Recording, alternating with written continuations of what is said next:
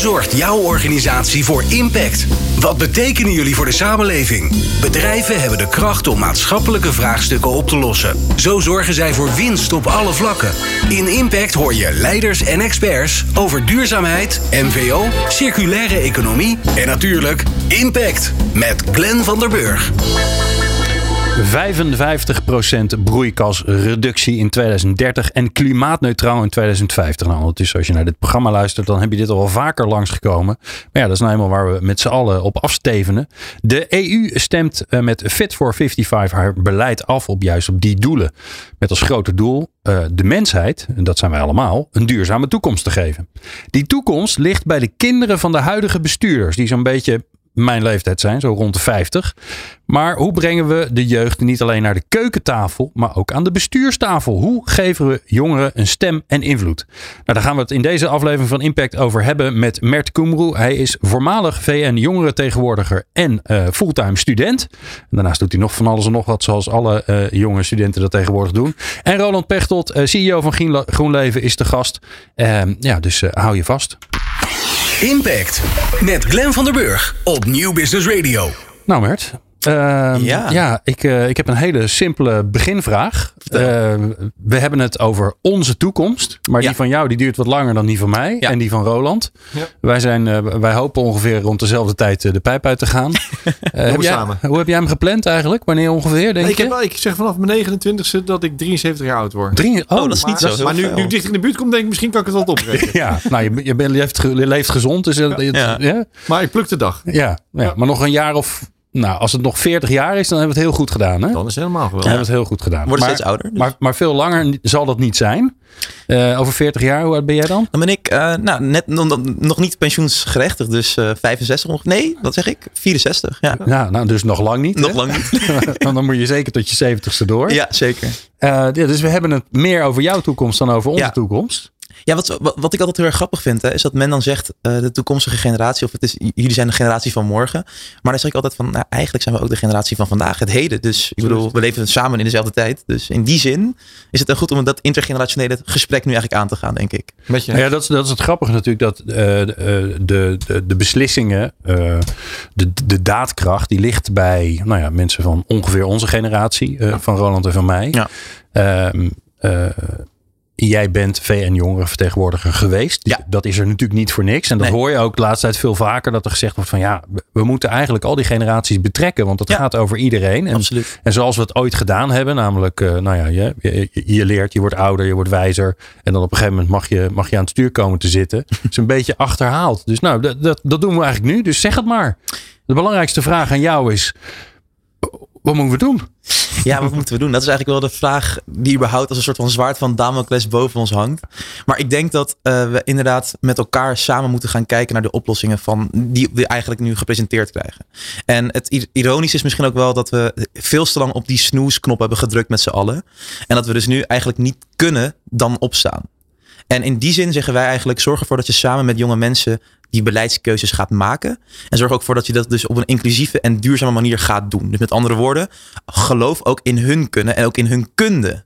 Want dat is nog te vaak een soort van idee dat ja, je moet eigenlijk jong zijn, maar dan wel met 30 jaar werkervaring of zo. Dat soort voorbeelden. En dat, dat kan natuurlijk niet altijd. Nee. Dat kan dus niet. Uh, en dan zeggen wij dus, zorg er gewoon voor dat je dat vertrouwen ook legt in uh, ja, de dingen die zij dus kunnen doen. En die wij dus ook al hebben gedaan in het verleden. Ik bedoel, kijk naar de protesten wereldwijd. Kijk naar de uh, plannen die jonge mensen presenteren. De, de COP26 afgelopen, hè, afgelopen editie. Jonge mensen staan overal aan de frontlinie. En niet heel gek natuurlijk, want wij gaan het langst leven met die gevolgen. Dus laat ons ook aan tafel zitten, zodat we die gevolgen kunnen beperken. Ja. Um, maak je je zorgen? Um, ja, kijk, tuurlijk, ik denk dat iedereen zich in die zin die zich in deze sector bevindt, zich zorgen maakt. Maar ik ben niet pessimistisch over de toekomst. En laat ik het zo zeggen. Ik zeg altijd ook heel erg duidelijk. Ik heb heel veel hoop in de toekomstige generaties, of de generaties die het gaan overnemen. Uh, of ik het nog ja, per se heb in de, in de huidige generatie die het nu doet. Niet evenveel, laat ik het zo zeggen. Ja. Maar ik verlies zeker niet mijn hoop. Want ik weet dat we dat dan samen ook echt gaan oplossen. Ja, maar dat is natuurlijk wel een interessante vraag. Hè? Want uh, eigenlijk ehm, zou je kunnen zeggen dat, dat, dat uh, onze generatie, de generatie van Roland en van mij, Mhm. eh, die nu aan de knoppen zit of aan het stuur, of nou geef er maar een leuke beeldspraak aan. Ja. Wij moeten eigenlijk straks, als, we, als wij weer het stokje doorgeven, dan moeten we een soort van rekenschap afleveren aan Ja. jullie. Van nou, hebben we het een beetje beter gedaan? Ik vond het wel mooi dat je zei, ja, we hebben eigenlijk te lang op die snoesknop knop gedrukt. We weten al veel langer dat er dingen aan de hand zijn. En we hebben heel lang gediscussieerd of het nou echt zo is of nou niet zo is. Ja.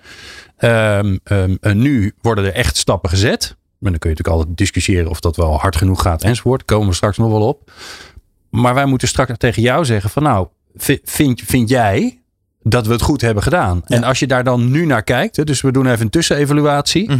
Eh, heb je dan het idee dat er, dat er genoeg gebeurt, dat er genoeg snelheid in zit, dat we, dat we, dat we de zorgen die er in het algemeen zijn, dat die genoeg eh, geadresseerd worden? Ehm, ja en nee. Als je kijkt naar het idee. Er wordt is nu al politicus. Nee, nee, nee, absoluut niet. Maar meer van, als je gewoon puur kijkt naar de cijfers en naar de statistieken, Ja. dan zie je dat wij nog steeds afsteven op 2,4 graden stijging. Dat is met alle respect en met alle hè, goede wil van de wereld veel te veel. Dat, dat zal er gewoon voor zorgen dat mensen in de grote oceaan onder water komen te staan. En dat zij dan ook als klimaatvluchtelingen moeten gaan trekken naar andere delen van de wereld. En dan hoor je de populisten al opkomen van, oh god, nog meer vluchtelingen, et cetera. Dus in, in die zin, nee, doen we het niet goed. Ja, dus als er iemand voor klimaatbeleid zouden moeten zijn, zijn het wel de populisten. Want dat zorgt er in ieder geval voor dat eh, de mensen lekker kunnen blijven wonen waar ze wonen. Nou ja, dat zou je dan denken inderdaad. Hè? Ja. Of als je echt houdt van onze Nederlandse normen en waarden en onze cultuur, zou je dat het meest willen beschermen, zou je dan zeggen. Ja. Maar goed, dat terzijde. En, en los van dat feit, ook het, als je ook kijkt gewoon naar, kijk, je hoort het verhaal overal. Duurzaamheid is nu een soort van containerterm geworden. Elk bedrijf moet iets groens doen, moet iets met duurzaamheid doen. Dus ja, in die zin, het is overal bezig, maar zijn we effectief bezig? Dat is dan nog de vraag. Hmm. Dus in die zin zou ik zeggen, nee, dat zijn we dus zeker niet. Want anders hadden we die anderhalf graad al lang en breed eh, ja, weten te Noem eens een voorbeeld waarvan je zegt van nou, dit is nou echt, dit is zo onhandig. Met, Ja. alle, met alle goede wil wordt er echt iets onhandigs Ik, gedaan. ik las toevallig vandaag iets over dat we ehm, vanaf 2025 dat alle leaseauto's elektrisch moeten gaan zijn. En toen dacht ik, oké, maar dan hebben we toch alsnog steeds het probleem dat we Heel veel auto's hebben. moet, en ook moeten gaan produceren. Dus hè, dat we alsnog meer auto's gaan hebben. Dus het is een soort van een, een oplossing. Ja, alsof je een soort van Hansje Brinker, je ving- stopt een vinger in de dijk, maar dan zitten er nog twaalf andere gaten in die je dan eventjes laat liggen. Hmm. Ja, Ja, en, en, en, en, en draai hem nou eens om. Wat, Ja. wat, wat had je gehoopt? nou ja, een heel concreet voorbeeld. hè? Ja, in dit voorbeeld? Ja, Ik in dit voorbeeld had ik dan beter gehoopt dat we hadden gezegd dat je dat we gaan investeren in een goedkope, goede manier van publiek vervoer voor zoveel mogelijk mensen. Je hoort nu dat, dat Elon Musk zo'n tunnel maakt met, voor auto's. Ja. Dat hebben we al, dat heet een trein. Alleen kunnen er meerdere mensen tegelijkertijd in een trein dan in een auto voor vier personen. Maar dat soort dingen, we proberen het wiel opnieuw uit te vinden terwijl we het wiel al lang Ja. en breed hebben voor grote ja, vraagstukken. Ja, dus eh, moet de Hyperloop te komen of een of ander ander ding. Zodat mag er we komen. super snel van Ja. A naar B zijn en comfortabel. En, Precies. ja, Ja, dat soort dingen. Ja. Roland, wat hoor je? Nou, ik hou vooral mijn mond, want de nieuwe generatie spreekt. Ja, maar toch? ik hoor Ja. daar heel veel wijsheid uit komen. Ik pak even het, het, het start van het gesprek, vat ik in mijn hoofd samen zoals het is. En wat ik hier vooral hoor is, eh, nou, de jeugd hè, en de bestuurstafel. Eh, we hebben hier eh, in ons land ruim een eeuw geleden mochten de vrouwen nog niet meestemmen. Ja. Daarvoor hadden we dat je alleen mocht stemmen als je geld had. Hè, Ja, census kiesrecht. Dus dat heet transitie. Dus wie heeft het hiervoor het zeggen? En ik vind het niet meer dan normaal dat we denken, nou ja, oké, eerst was het dan alleen mensen met geld, toen hè, en de mannen, toen werden de vrouwen er ook bij, nou dat was nieuw. Hè? En, en, en, en nu zeggen we, er komen jongeren bij, dat, dat is nieuw. Dat is helemaal niet nieuw. We praten over, dus het is nieuw voor ons misschien in onze beleidsstukken, maar we praten over, ehm, over hoe zorgen we nou dat in een supersnel, en, en niet alleen snel, maar ook diep veranderende omgeving om ons heen, hoe zorgen we dat we geen blinde vlekken hebben? Ja. Nou, dat noemen we dan hè, in onze bestuurskamers noemen we dat nou diversiteit. Ja, Hè? stakeholder management. Stakeholder management. Hè? Dus ja. nou, dat, die boekjes heb ik dan allemaal. Hè? Dus dat doe ik dan de hele dag. Hè? Maar dat is natuurlijk gewoon met elkaar die beslissingen maken. En dan hoor ik nu dat, even dat laatste stukje van het verhaal. Hoor ik, vind ik vreselijk leuk. Ja, weet je. Het heet een trein. Hè? Pouts in een, in een, dat vind ik zalig.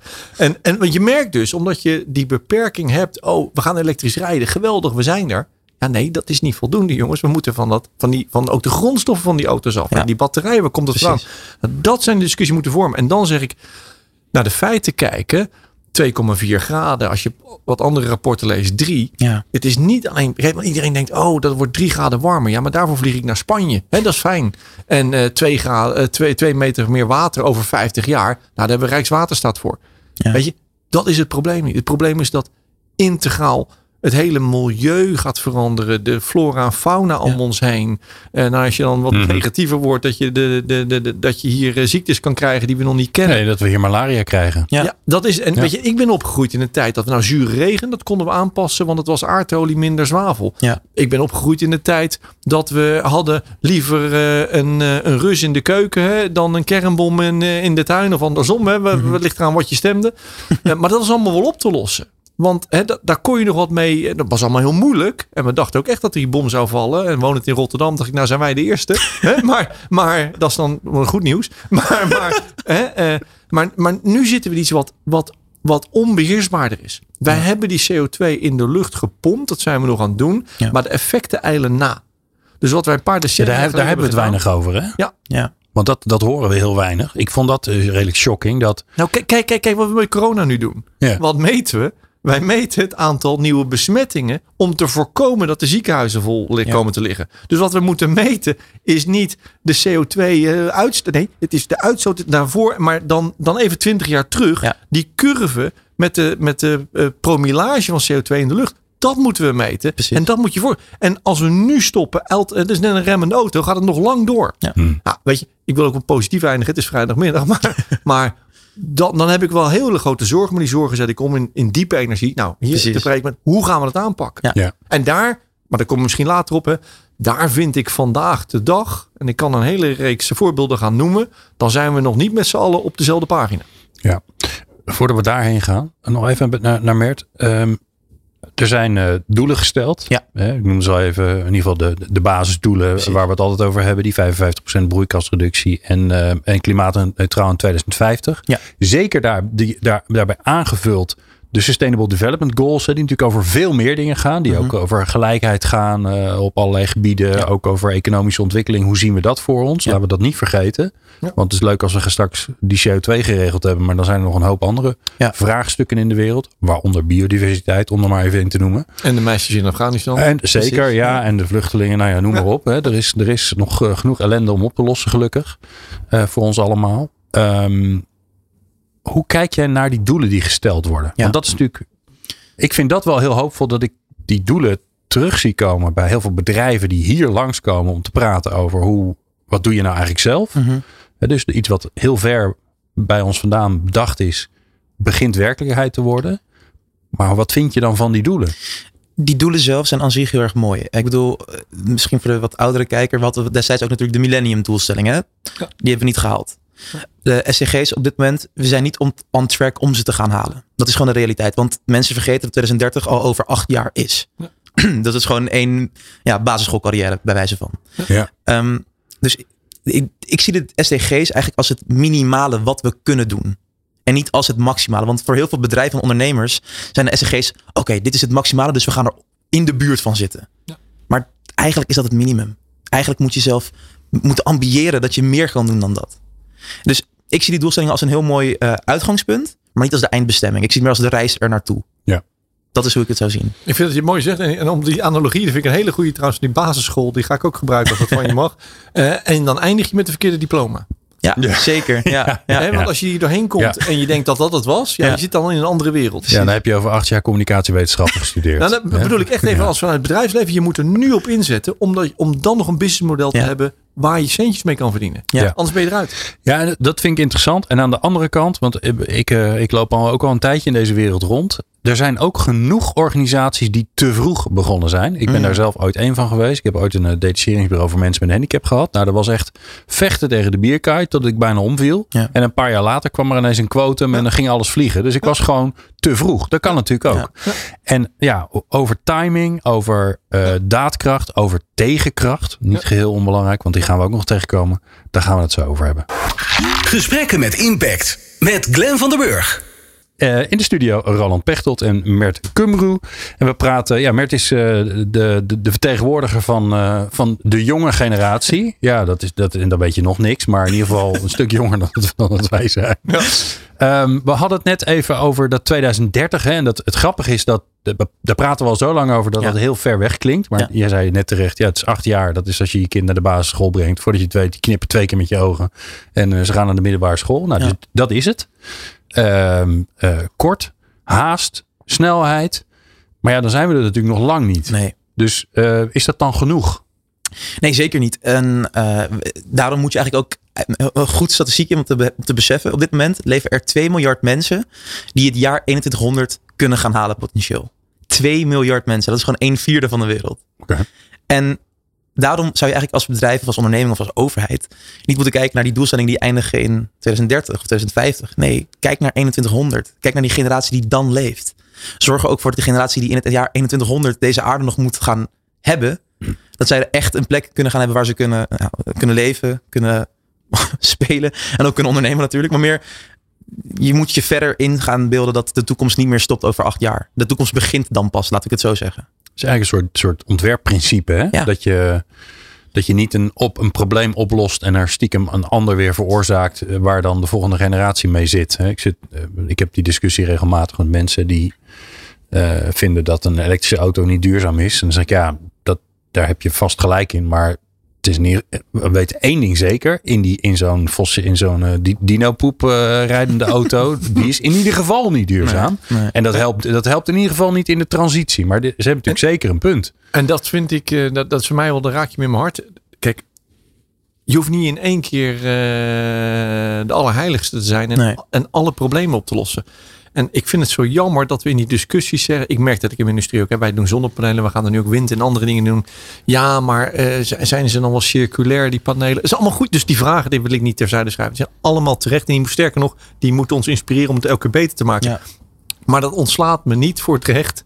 Hè, om, het, om het nu dan wel vast te gaan doen. Ja. En die urgentie, kijk, ik vind het heel leuk. Wat Matt ook zegt, hè, 21 bedoel ik met leuk. Daar gaat het ook echt over. Hè. 2 miljard mensen, 21. Dat is voor mij ook even, ja, die som had ik niet gemaakt. Maar die had ik ook zo kunnen doen. Die, ja. Ja. inderdaad.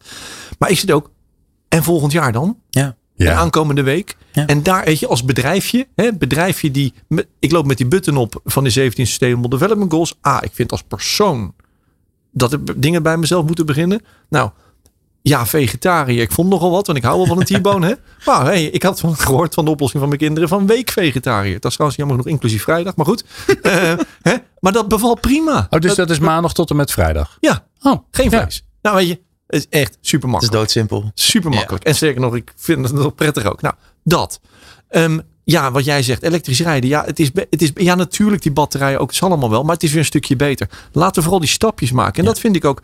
Kijk, ik, ik, ik, ik stuur mijn bedrijf niet door te zeggen, nou eh, medewerkers, we, praten, we spreken elkaar in 2030 en dan gaan we met elkaar zeggen of we de targets hebben gehaald. Nee, dat doen we toch echt wel vaak op weekbasis, op maandbasis, Ja, in ieder geval op jaarbasis.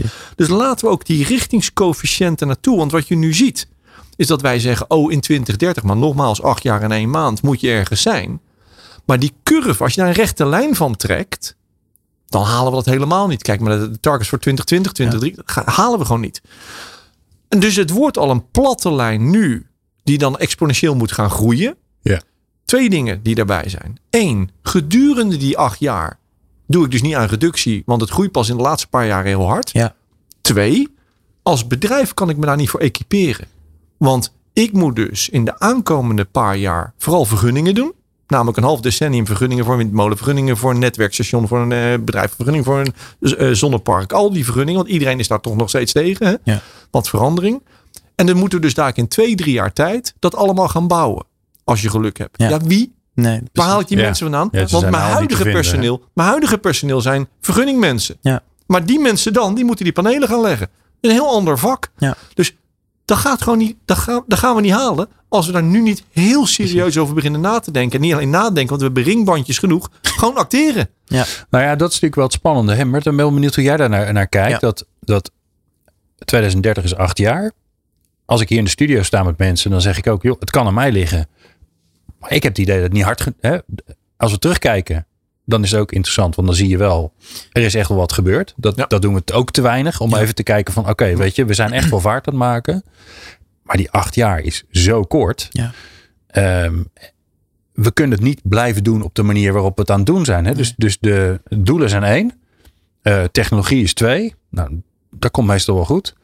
Maar hoe wij samen in de samenwerking, in de afstemming, in de samenwerking tussen generaties, tussen bedrijven, tussen organisaties, overheden, daar zie ik nog eigenlijk te weinig innovatie ontstaan. Sterker nog, ik denk dat je, dat je prima kunt stellen dat die samenwerking waar je het over hebt, dat dat eigenlijk nog in Kyoto ligt. Met andere woorden, de kop van zoveel jaar geleden. Ja. Terwijl we nu met de realiteit in Glasgow zitten en we al onderweg zijn naar Sharm el-Sheikh volgens mij vorig jaar, volgend jaar. Dus meer, het is inderdaad niet aan het samenlopen met, met realiteit. En die constante waan waarin we leven, dat we het samen wel op- oplossen en dat ook exclusieve karakter van dergelijke hè, onderhandelingen of conferenties, zorgt er ook voor dat je juist, we zeiden dat met grappen, die stakeholders, dat je die dan ook gewoon eigenlijk uit het oog verliest. En ik vind het woord stakeholders in deze discussie altijd heel erg naar. Want ik zeg eigenlijk, nou, wij jonge mensen zijn eigenlijk de shareholders van hun eigen toekomst. Dus niet alleen maar een stakeholder waar je rekening mee moet houden. Nee, dit is van on, dit is hun toekomst. Zij zijn Ja. de eigenaren van de wereld. En misschien dat we ook onterecht denken dat wij de aarde erven van onze ouders. Terwijl we eigenlijk alleen maar lenen van onze kleinkinderen. Ja, en ja, ik je mooi. zou, je zou- je- ja, mooi. Ja, je zou zelfs kunnen zeggen dat wij ook maar een diersoort zijn. Ja, dat absoluut. vergeten we ook wel eens. Dat, Nee. een En- van de wijnen. En eh, We er best een rommeltje van maken. nou ja, kijk, het, de, ik ben wel benieuwd hoe jij dat ziet. Want ik kan me ook voorstellen dat er een bedrijf die nu aan het luisteren is en die dingen wil Ja. doen. En, en misschien wel het bedrijf van Roland. Die zegt, ja, god, moeten we ook nog met die jongeren gaan praten. Nou ja. Weet je, nog meer praten. We moeten ophouden met praten. We moeten dingen gaan doen. Die moeten gewoon, die panelen moeten gewoon, hartstikke idee. Die moeten op die daken. Die moeten boven dat zachte fruit eh, bij, bij Roland. We moeten gewoon dingen gaan doen. Ja. En, ehm, ehm, en soms ook wat, eh, het is wel leuk. Ik sprak laatst een Europarlementariër en die zei ook, ja, gaan we in Nederland allemaal, dus ben ik wel benieuwd hoe jij dat ziet Roland. Gaan we in Nederland allemaal zonnepanelen leggen? Nou, kijk nu even naar buiten. Het is, eh, het is behoorlijk grijs. Ik denk niet dat ze heel veel opleveren nu. Eh, in Marokko schijnt de zon. Ja. En daar is heel veel plek. Ja. Dus misschien moeten we ook wel wat groter kijken. En ik kan me voorstellen dat jij, zeg maar, in jouw gesprekken bij de VN, dat je, dat je dan ook op een andere schaal gaat kijken dan maar Ongetwijfeld. wij in Nederland moeten zoveel procent reduceren. Sowieso, als je kijkt naar het voorbeeld van, eh, hè, van Sub-Sahara Afrika of überhaupt Afrika. Als je daar kijkt naar, ik weet niet de, de precieze technologie met de zonnepanelen natuurlijk, maar meer van, je ziet dat heel veel jonge mensen daar wegtrekken. Omdat ze geen kans hebben. Ze zien geen perspectief, geen toekomst. Als je daar nou in zou zetten op een goed netwerk van jonge mensen die willen werken en willen werken aan zo'n duurzame toekomst, dan kan nou, Noord-Afrika kan dan een, een energie powerhouse worden. Eh, en ook ervoor zorgen dat zij dan economisch groeien, duurzaam groeien. En ook echt een toekomst kunnen creëren Ja. voor de mensen die daar zijn. Dus dan los je al die problemen op, zou je denken. Ik heb me laten vertellen dat er een hele dikke kabel ligt van Spanje naar Marokko. Ja. Die daar ooit neergelegd is om Marokko van energie te voorzien. Ja. Maar die werkt ook de andere kant op. precies. Dat is het leuke. Nee, ik, ik moet Ja. ik ben- excuses, maar ik moet even denken aan een, eh, aan een heel leuk mopje wat ik hoorde 25 jaar geleden bij een huwelijk van een Belgische meneer. Die, die vertelde aan het nieuwe echtpaar, hè, na, na 50 jaar huwelijk, hoe hij keek naar het huwelijk. En hij zei, ik ga hem kort houden. Hij zei, hoe mevrouw en ik het verdeeld hebben, hè, is dat eh, ik ga over de belangrijke zaken. Dus eh, ik ga over de, ik mag meepraten over de nieuwe regering. Ik praat over beleidsvraagstukken hier in de stad. En eh, dus de grote zaken zijn voor mij en de kleine zaken zijn voor mijn vrouw. Mijn vrouw spreekt over waar gaan we heen met vakantie, wat doen we met salaris en waar wonen we. Nou, dat gaf dus aan, ja, je kan wat over grote zaken willen doen, maar waar maak je een impact? Ja, ja. En wie heeft echt voor het zeggen?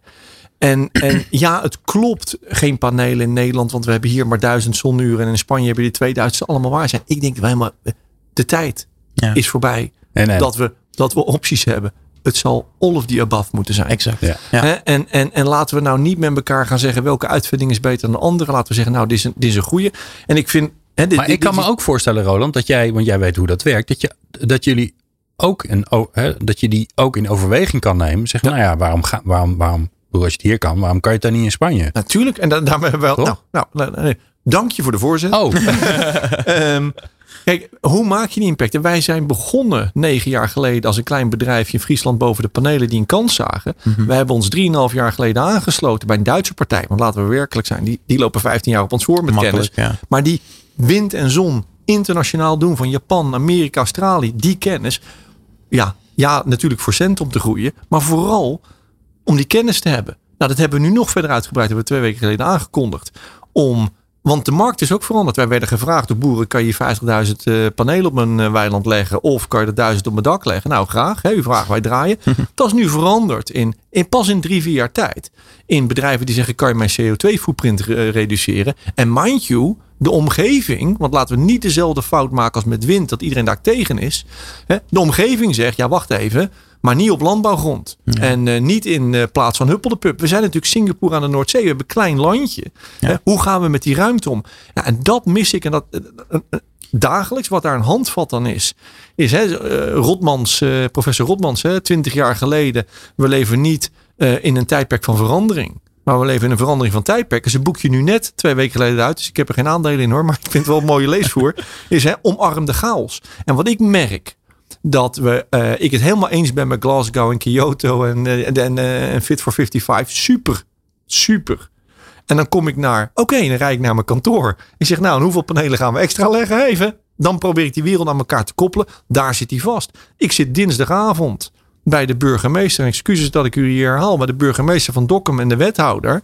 En we hebben een park wat ik zo trots op was. was. Want hè, het is een corporatie. Hij is van de, van de mensen in Dokkum. Uh, we hebben natuur inclusief. Weet je, alles wat ons gevraagd wordt, hebben we gedaan. Plan. In plan, plan. Yeah. Alles gedaan. En dan wordt er gezegd, ja, maar wet Bibop. Ja, dat is ook een wet. Ik zeg maar, ja, want we gaan nu een nieuw bedrijf helemaal. Ik zeg maar, dan zijn we te laat met bouwen. Want, Ja. hij- want de andere regel van de overheid is, is dat die beschikking maar tot maart volgend jaar geldt. Precies. Dus de andere overheid die zegt dat ook. Ze moet ook naar luisteren. Ja, maar wij moeten ook naar de Bibel luisteren. Ik zeg maar, ik heb net in Stadskanaal, zes weken geleden, de, de inkt is nog droog, hè, heb ik, ben ik ook gebiebopt. En dat was goed. Dus je gaat precies dezelfde procedure doorlopen. Ja, dat gaan we wel doen. Ja, maar dan komt het park er dus niet. Nee. Nee, maar dus wat je hier krijgt, operatie geslaagd, patiënt overleden. En dan kijk ik zo'n burgemeester ook aan. Ik zeg, mijn vader, als hij hier aan tafel had gezeten, had hij gezegd, zijn wij hier nou voor de regels of zijn die regels er voor ons? Jij heeft een wijze vader. Ik zeg, ja, moet u maar eens naar gaan luisteren. Ja. maar serieus, ik bedoel, wij moeten veranderen. Ja. En als we schuilen achter de wet Bibop met een ingehuurde advocaat, dan komen we er niet.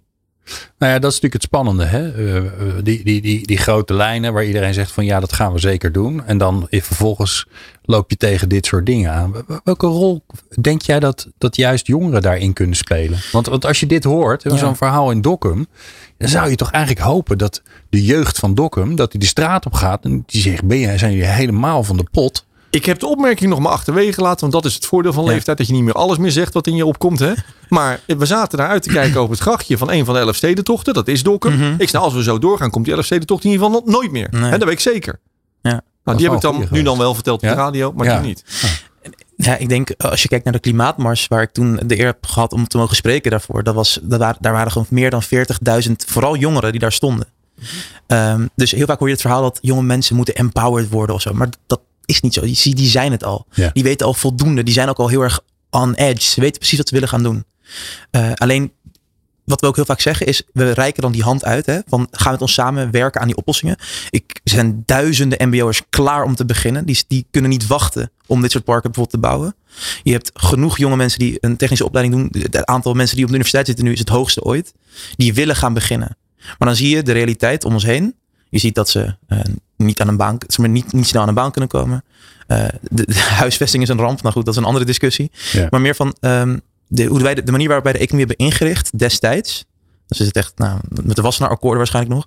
Die is niet meer up-to-date. En als je de nou, klimaatcrisis niet bestempelt als een crisis als bijvoorbeeld corona. Dan ga je ook inderdaad tegen dingen aanlopen zoals die wet Bibop. Ik ben zelf afgestudeerd jurist, dus ik, ik hoef de Bibop nooit meer te zien. Ja. Maar meer met je weet in ieder geval dat je dat niet wil gaan doen. Precies. Ja. Maar, maar, meer met dat soort tussenstapjes zijn gecreëerd in een wereld waarin er geen crisissen zouden zijn. Maar dat is niet de realiteit. Dus pas je dan ook aan uh, aan de hand van de situatie. Dus met andere woorden, we hebben geen tijd om te wachten. We hebben ook geen tijd om te verspillen. Laten we beginnen. Ja. En dus, en dat is heel makkelijk om dat hier te zeggen achter de microfoon. Hè? Tuurlijk, ja. Maar hoe beschermen we nou onze ambtenaren? Hoe geven ja. we hen de ruimte om te kunnen acteren ja. dat ze zowel de Bibop als het milieubeleid als de RVO-beschikking het beste kunnen doen? He, dus wat is de bedoeling van deze regelgeving? Want natuurlijk witwasgeld moet je tegengaan. Want morgen hebben we hier een audioprogramma over witwassen van drugsgeld. Ja. He, dus natuurlijk moet dat er zijn. Alleen kijk even pragmatisch naar. Het is zes weken geleden gebeurd in je buurtgemeente. Ja. Zul je dat kopiëren? He, ja. daar, maar daar moeten we hen de ruimte voor geven. Want we vragen hen ook zich aan de regels te houden. Ja, dat is zo lastig in die transitie. Om, om oude regels los te laten. Nieuwe te verzinnen en dan te omarmen. Ja, daar zitten we wel middenin. En dat vergt leiderschap. Ja. Ja, en wat het volgens mij ook vergt is, um, uh, want daar zou ik het eigenlijk zo over willen hebben. Hoe je nou in je bedrijf, en laten we GroenLeven maar als voorbeeld nemen, want je bent er toch Roland. Ja. Hoe je nou in je bedrijf jonge mensen daar Ja. een eh, ruimte in kan geven om daarin mee te denken. En dat hoor je zo. Alles wat jij doet heeft impact. Met Glenn van den Burg. Mert Koemroe eh, van eh, zichzelf, eh, want hij is namelijk student. Dus dan ben je nog heerlijk van jezelf. Dan ben je van niemand. Maar hij is wel voormalig VN-jongerenvertegenwoordiger en ja, hoe noem je activist? Noem je jezelf zo? Ja, waarom niet? Ja, dat doen. Waarom niet? Hè? Ja. Ja. hij, werkt aan zijn eigen toekomst. En Roland Pechtold, CEO van GroenLeven. In de studio. Ik wil zo naar ehm, hoe kan je nou eh, die stem van de jongeren in je bedrijf door laten klinken. Maar ik besef me ook dat we nog eh, een andere eh, belofte hebben gedaan. Ja, beloftes moet je nakomen. En dat is namelijk, en dan ben ik wel benieuwd naar hoe jij daarnaar kijkt Roland. Hoe zorg je nou dat je niet te vroeg bent? Want dat is, dat is natuurlijk vervelend als je dat als bedrijf doet. Want dan, ja, dan val je misschien wel om en dan sla je de plank mis. Ja. Ehm, en dat, is, dan, ja, dat met grote gevolgen. Ja. Eh, want volgens mij waren er in het verleden ook al prachtige initiatieven over eh, vleesvervangers. Nou, en allemaal Ja. bedrijfjes die het allemaal niet gered hebben. Omdat ze gewoon eh, nuttig zijn geweest voor de transitie, maar wel te vroeg waren. Erger is dat je te laat bent. Oké. Dus eh, eh, weet je als, je, als je te vroeg bent, heb je in ieder geval een gedeelte of het hele antwoord op de vraag. Dan is het alleen nog maar een kwestie in wat voor een richtingscoëfficiënt, wat voor snelheid eh, implementeer ik hem. En als je dan naar een bedrijf kijkt, wat haal ik uit mijn huidige businessmodel? En Ja. wat haal ik uit het toekomstige businessmodel? En dat is een kwestie van constant afwegen en naar buiten luisteren. Als je te laat bent, ben je in ieder geval de bok. Nee, want in, Kijk- jou- in jouw geval, hè, ik, zit, ik vind, ik vind het voorbeeld, van de zonnepanelen wel mooi. Ja. Want die zonnepanelen die we nu eh, in, in grote hoeveelheden uit China krijgen, tenminste, dat was Ja, zo. Dat Maar is nog steeds zo. Ja, leveren ons, wordt er nog een beetje geleverd. Ja, gelukkig wel een beetje. Nou ja, de- die dingen zijn niet circulair. Dus, dus daar, er komt een keer een probleem dat je ze aan elkaar moet gaan halen enzovoort. Ze, ze zijn er wel. Ik heb hier in de studio een, een, een Nederlandse producent gehad die ze circulair maakt. Ja. Maar die zijn ongetwijfeld duurder. Hmm. En ik kan me voorstellen dat, dat het voor jullie gewoon ook. Hè, je, je zou kunnen zeggen, we doen het in één keer goed en we doen alleen maar circulaire dingen. Met als gevolg dat je nooit ergens een park plaatst, want je bent gewoon te duur. Ja. Maar er komt op een gegeven moment zo'n omslagpunt. Ja, dat klopt. En ik, ik wil er geen semantische discussie van maken. Maar wat is circulair? Ik denk dat die panelen die we nu maken eh, wel circulair zijn. Want de grondstoffen die erin zitten, kan je er weer uithalen. De enige wat niet circulair is de energie die je erin hebt gestopt om ze te maken. En de energie Oké. die je erin moet stoppen om de producten eruit te halen, dat is twee keer afschrijven. Hè, maar, maar de grondstoffen kan je blijven gebruiken. Want met die nieuwe panelen uit Nederland wel eens, die zijn een stuk lichter. Dus die kan je vaker toepassen op daken die niet aan kunnen. maar ze zijn nog steeds duurder. Nou, weet je, dus ook dat is er een. Even laten we teruggaan. Een zonnepaneel is al een eeuw geleden uitgevonden. Eh, ze werden eerst gebruikt omdat ze verdomd duur waren op een satelliet. Hè? Ja. Om, om daar energie mee te krijgen, omdat je niks anders had. Ja. En nu liggen ze met miljoenen over de wereld. Hè, dus daar zie je hoe zo'n uitvinding daar komt. Is dus ook, dat is, dat is het hoopgevend. Maar dat leer ik, mijn achtergrond is energie. Elke vorm van nieuwe energie, voordat die iets bijdraagt. En iets is een paar procent en hopelijk vijf procent of meer. Duurt een paar decennium. Decennia, dat is met olie geweest. Dat is met gas, dat is met kernenergie, dat is met wind, dat is met zon. We hadden het net over te vroeg of te laat acteren. Ik vind zo'n heel mooi bedrijf daarbij, Van Oort. Daar heb ik ook geen aandelen in, want dat is van de familie, dus dat kan niet. Hè? Maar hè, dus die baggeren bestaat al, ik weet niet hoe lang ze bestaan, 100 jaar plus. Hè? En die, hebben een, een decennium geleden gezegd, ruim een decennium geleden, ja, weet je, we, kunnen dat baggeren. En dat, maar ja, die windmolens gaan ook iets worden. Maar gelukkig als familiebedrijf kan je rond de theetafel zeggen: Nou ja, geloven we erin? Ja, nou ja, oké, dan gaan we het doen. Ja. Dat je niet elke week aan je aandeelhouders hoeft uit te leggen wat je, hè, of je op plan bent. Want ja, weet jij veel. Het gaat gaat een keer, we geloven in de toekomst, maar we weten niet precies wanneer. Dus je merkt hier ook dat je aandeelhoudersstructuur een hele grote impact heeft op wat je kan doen in de toekomst. En bijvoorbeeld met zo'n Shell, ik heb er zelf gewerkt, hè, dat wordt nu erg in het verdomhoekje gezet. For all the right reasons, but also the wrong reasons. Hè. Want Ga het maar uitleggen aan je aandeelhouders dat jij gaat investeren in de toekomst, wat ze echt hebben geprobeerd. Maar ja, jouw aandeel zakt daardoor omdat Exxon het niet doet. Hè, dus het is ook het systeem waarin die bedrijven zitten. Dan ga ik ze hier niet goed praten. Maar in ieder geval, zo'n van Oort haalt nu, ik heb het jaarverslag niet aan mijn hoofd geleerd, maar een groot gedeelte, misschien wel de helft van hun kaststroom uit die windenergie. Ze zaten dus, hè, ze zaten goed, maar wisten ook niet precies wanneer en wat Ja. en hulp. Dus dat vergt ook constant in met je omgeving eh, in touch zijn. En de eerste die zo, en weet je, dan wordt het zo makkelijk in de langere termijn. De 17 Sustainable Development Goals, die zal je moeten omarmen. Want dat wil de jeugd, daar gaan we naartoe. Dus dat zal je moeten doen. De vraag is, ja, welke en hoe snel? En dan Ja. kom ik even bij gemeente Dokkum of Stadskanaal of Steenwijk. Hè? Ja, daar zit het probleem. Hoe zorgen we nou dat die, dat die kaders aangepast worden om die nieuwe, want eh, de techniek gaan we het altijd oplossen, dat is het probleem niet. Maar die techniek vergt nieuwe regels. Hè? Lees Harari. Die regels zijn uitvindingen van ons om onze omgeving begrijpbaar en Ja, manageable te maken. Het is een verhaal, hè? Dat is een verhaal. We, leven in een toneelstuk met z'n allen. En dan moet je dus aanpassen. Ja. Ja. Net als we aan het begin zeiden met het, eh, wie heeft hier voor het zeggen? Eerst alleen maar mannen met eh, geld. En nu zijn we gelukkig een stuk verder. Maar dan is Ja. de vraag, wie wordt de souffleur van dit eh, toneelstuk? Nou, wat ik wel interessant Ja. vind, hè, de, de, de, de, snelheid, maar ook eh, waar het naartoe gaat. Is, wat, wat is de rol van, van jongeren, of wat Ja. kan de rol van jongeren daarin zijn? Om juist bedrijven zoals, eh, zoals GroenLeven te helpen met: hé hey Ja. jongens, hier denken wij over. Dit zou er wel eens aan kunnen komen. Ja, nee, hele goede, terechte vraag ook. Eh, we hebben afgelopen, eh, afgelopen week, vorige week was dat, tijdens het Nationaal Sustainability Congres eh, een manifest 2100 opgericht. Dat hebben we ook overhandigd aan eh, Ingrid Thijs van VNO-NCW. En daarin hebben we eigenlijk gezegd dat wij pleiten voor een hele nieuwe, eh, ja, nieuwe omgangsvorm met het klimaat in het achterhoofd. We zeggen ook in het manifest dat anderhalf graad, dat eigenlijk dat het sentiment moet gaan zijn dat je als ondernemer ook gaat gebruiken. En dat je ook als bedrijf en als bestuurder plek gaat maken, plaats gaat maken voor die toekomstige generaties. Omdat zij dan samen met jou gaan werken aan die nieuwe bedrijfsvorm vorm eigenlijk. Dus wat zeggen wij dan? Ehm, je ziet nu dat heel veel van die eh, bestuursvoorzitters, hè, al die besturen, nou, met alle respect, niet per se een dwarsdoorsnede zijn van een samenleving. En daardoor is het beleid wat er geproduceerd wordt heel erg geconcentreerd op de kennis en de kunde van die groep mensen die daar zitten. Correct. En eh, uit onderzoek is gebleken, ik, eh, ik eh, haal hier ehm, ehm, Michael Sandel aan. Hij is filosoof en wetenschapper aan volgens mij Harvard in, ja, in Amerika. En hij zegt dat als je kijkt naar de tirannie van de meritocratie die we nu hebben in onze samenleving, dat die ervoor heeft gezorgd dat wij op een bepaalde momenten in een crisis zijn terechtgekomen.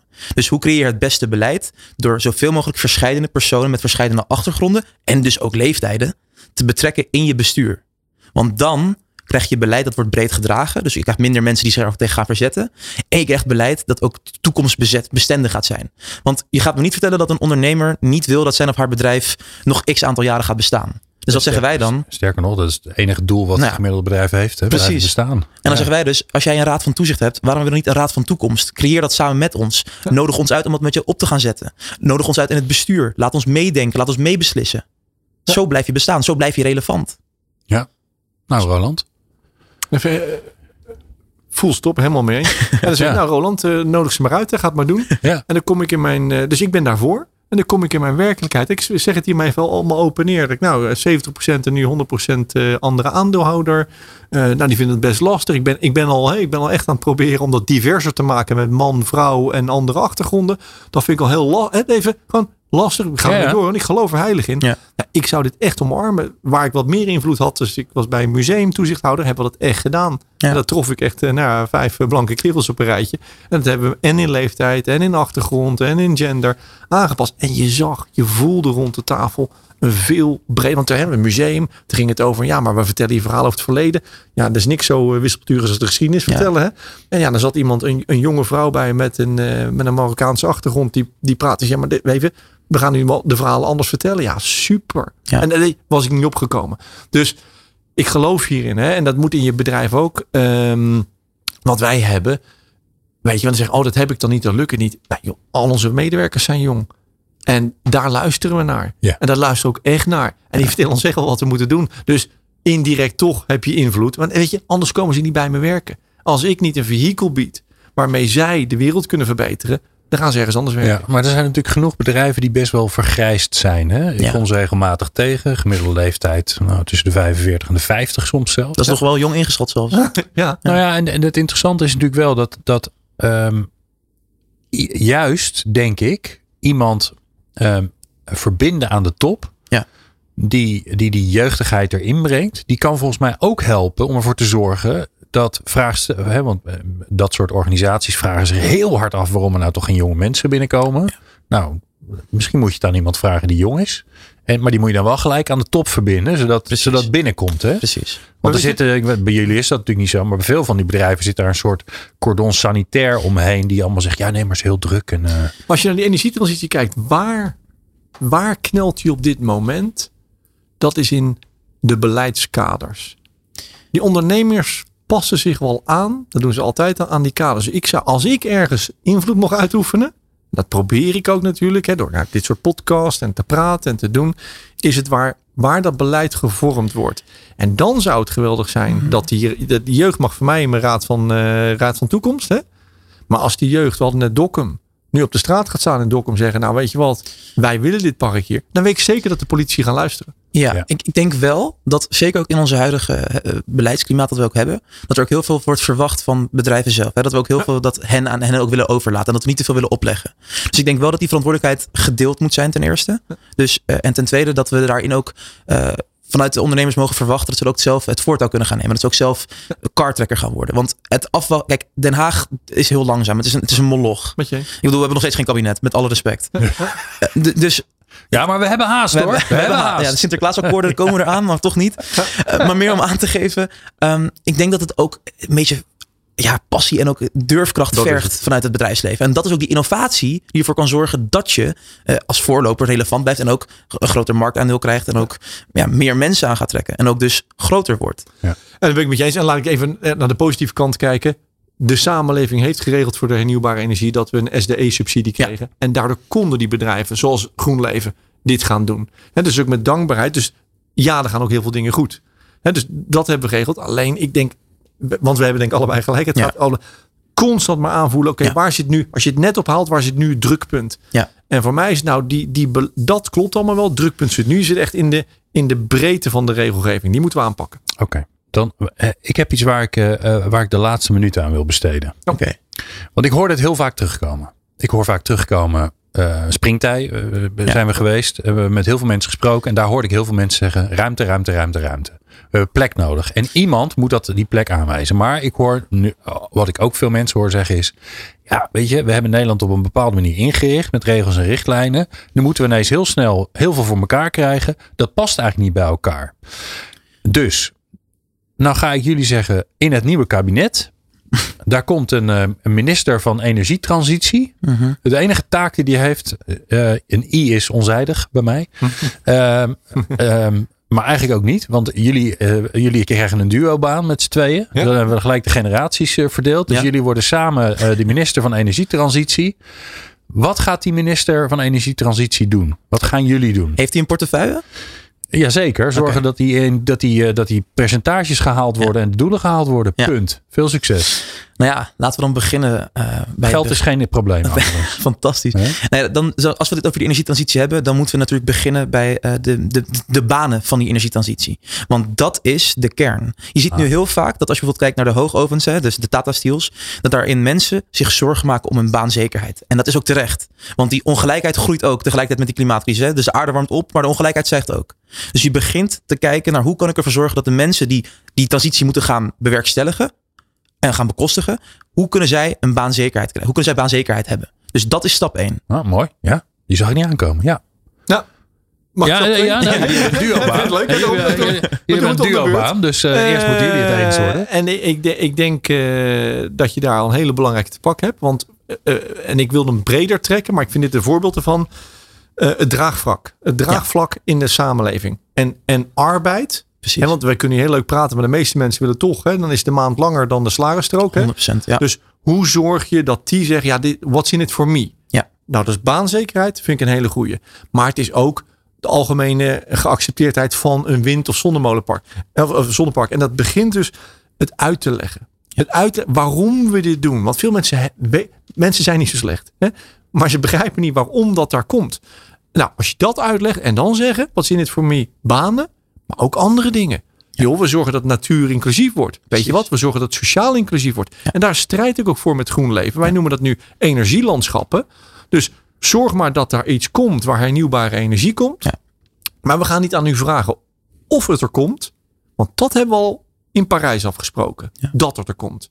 We gaan u vragen hoe het er komt. Precies. Nou, en die hoe dan gaan we, moeten wij als bedrijfsleven heel goed luisteren naar de omgeving. En dan moeten we ook echt, en dan zullen wij economisch echt wel wat water bij de wijn moeten doen. Maar zeggen, nou, dat moet dus natuurinclusief en sociaal inclusief. Maar jullie zijn de minister van energietransitie. Hoogovens en Ja. uh, hoogovens, Tata, Tata Steel, Steel, ja, eh, staal maken. Dat is een mooi voorbeeld. Ja. Die, die stoten nogal wat CO2 uit. Hè? Ja. Daar kun je flink wat eh, huishoudens tegenover zetten. Zeker. Wat ga je daarmee doen? Eh, Roland, ik. Ja, ja. Nou ja, heel, kijk, heel concreet. De mensen die in die hoogovens die bij Tata Steel werken, dat zijn de mensen die daadwerkelijk ervoor zorgen dat wij dus ook onze infrastructuurprojecten kunnen bouwen en kunnen behouden. Dat, dat vooropgesteld. ja, want we moeten voor jouw generatie huizen bouwen. Daar hebben we ook hier en daar Ja. nog wat staal voor nodig. Dus eh, hun, hun aanwezigheid nu is nog nodig. Dat is nog nodig. Maar je kan ook tegelijkertijd denken van hoe investeren we in hun bedrijfsmodel, zodat zij ten eerste met die R&D fondsen zo snel mogelijk alles groen kunnen maken. Je ziet dan ook hoe zo snel mogelijk hoe kunnen we ervoor zorgen dat het, eh, de, de gemiddelde levens van die mensen ook kwalitatief beter gaat worden. Want in de omgeving van die hoogovens zie je dat de levenskwaliteit omlaag gaat. Dus met andere woorden, klimaatrechtvaardigheid begint ook met sociale rechtvaardigheid. Want anders ben je alleen maar bezig met tuinieren, bij wijze van. Dus, hè, duurzaam zijn is ook dat duurzame element erin meenemen. Dus je zorgt ervoor dat je samen met een soort van coöperatie met de werknemers, met, het, met de bedrijfsvoering gaat kijken en met het beleid natuurlijk gaat kijken. Hoe zorgen we ervoor dat Tata Steel de komende jaren werkt voor de mensen en niet ten koste van de mensen die er omheen werken. Dat is het doel. Roland, wat zou het kosten om, om Tata Steel... eh, ik bedoel, ik heb geen idee, maar wat, wat zou het kosten om te zorgen dat Tata Steel CO2-neutraal wordt? Nee, En geen troep meer uitstoot? Ik heb dat ergens gelezen, maar ik zou het, dan is of ik van alles iets weet, dat weet ik niet. Dus ik wil het hier niet eh, verkeerd quoten, maar het kostte ongelooflijk veel. Ehm, kijk, de eerste vraag is: ehm, het product wat daar gebruikt wordt, hebben we dat nodig? Staal. Ja, goed. Ja. Doen we dat in Nederland, ja of nee? Met voordelen. En als je zegt dat doen we, eh, dat doen we niet in Nederland, moet je afvragen: als ik het probleem verschuif, is het dan erger? Precies. Ja. Nou, als, als daarvan zegt, nou, daar maak ik me grote zorgen over, dan zeggen, dan we het in Nederland. Ja. Maar we vinden het dus een maatschappelijk goed. Ja, dat staal, mooi. We willen het in Nederland houden, want we willen beïnvloeden. Ja, dezelfde analogie geldt trouwens voor de zonnepanelen. Die we in, eh, Ja. in China maken. Ik zou zeggen, die moeten naar Europa trekken. Ja. Dan zou ik als eerste zeggen, in Nederland zou ik een Europese discussie van maken. Mhm. Want we zijn nu bijna in geheel. Hè. We- 80 jaar geleden schoten we op elkaar. Nou, dat doen we al niet meer. Hè. Dus heel mooi. Kunnen we dat in het Europese continent houden? Ja. Dan zeggen we, nou, en het is maatschappelijk. Dan gaan we dat steunen. Ja, het klinkt nogal over de linkse boeg. Maar ik hou daar op dit moment wel van. Dan is het een publiek domein. En hetzelfde geldt voor mijn zonneparken. Ik verdien het meeste geld met het ontwikkelen. Maar ik denk dat ik daar in mijn bedrijfsmodel vanaf moet zien. Want anders komen ze er niet. Want de mensen zijn tegen. Dus ik moet zorgen dat het van een corporatie whatever is. En zeggen nou, dan is die van de samenleving. Dan verdien ik er een mooie boterham aan om hem gewoon te bouwen. Dat is een bouwbedrijf. Maar dan zijn ze voorlopig even maar van de samenleving. Want anders komt het er helemaal niet. Dus het hogere doel is, Ja. ik wil hernieuwbare energie. En daarna komt pas mijn doel, ik wil er geld aan overhouden. Ja. hey, ik moet er ook geld aan overhouden. Want ik moet elk jaar tekenen voor de liquiditeit van mijn bedrijf. Dat moet ik ook doen. Maar zo moet je dus zelf ook als leider optreden. Sterker nog, eh, Jij mag er nog één merken. Ja, sterker nog, ik weet niet of je Dan Price kent. Dat is een eh, Amerikaanse CEO. Hij heeft op een gegeven moment gezegd inderdaad van... we moeten kijken naar hoe we de leefbaarheid van onze medewerkers kunnen vergroten. Dus wat gaf hij? Iedere medewerker in zijn bedrijf verdiende 70.000 euro... ten koste van zijn eigen miljoenen salaris. Wat gebeurde er? Zijn profits stijgden met 300% Zijn bedrijfsvoering is nog nooit zo goed geweest. En iedereen heeft een goed, fijn leven. Dat is de, de crux. Geef je mensen waardige beloning voor het waardige werk. En creëer samen een front voor die klimaatcrisis. Dat is een mooi verhaal. Die moet ik nog eens een keertje in, in een andere uitzending halen. In een ander programma wat daarover gaat. Maar dat is inderdaad een mooi verhaal. Heren, het was mij een waar genoegen. Uh, Is Mert. Kumroe, eh, ongelooflijk veel succes met wat je allemaal doen bent. Blijf dat lekker doen, want het heeft heel veel zin. En het is zo hard nodig. Eh, eh, idem dito, Ronald Pechtold, CEO van GroenLeven. En jij natuurlijk ongelooflijk dank voor het luisteren naar Impact. Meer afleveringen van Impact vind je op impact.radio. Of via podcastkanalen als Spotify, Duke of Apple Podcast.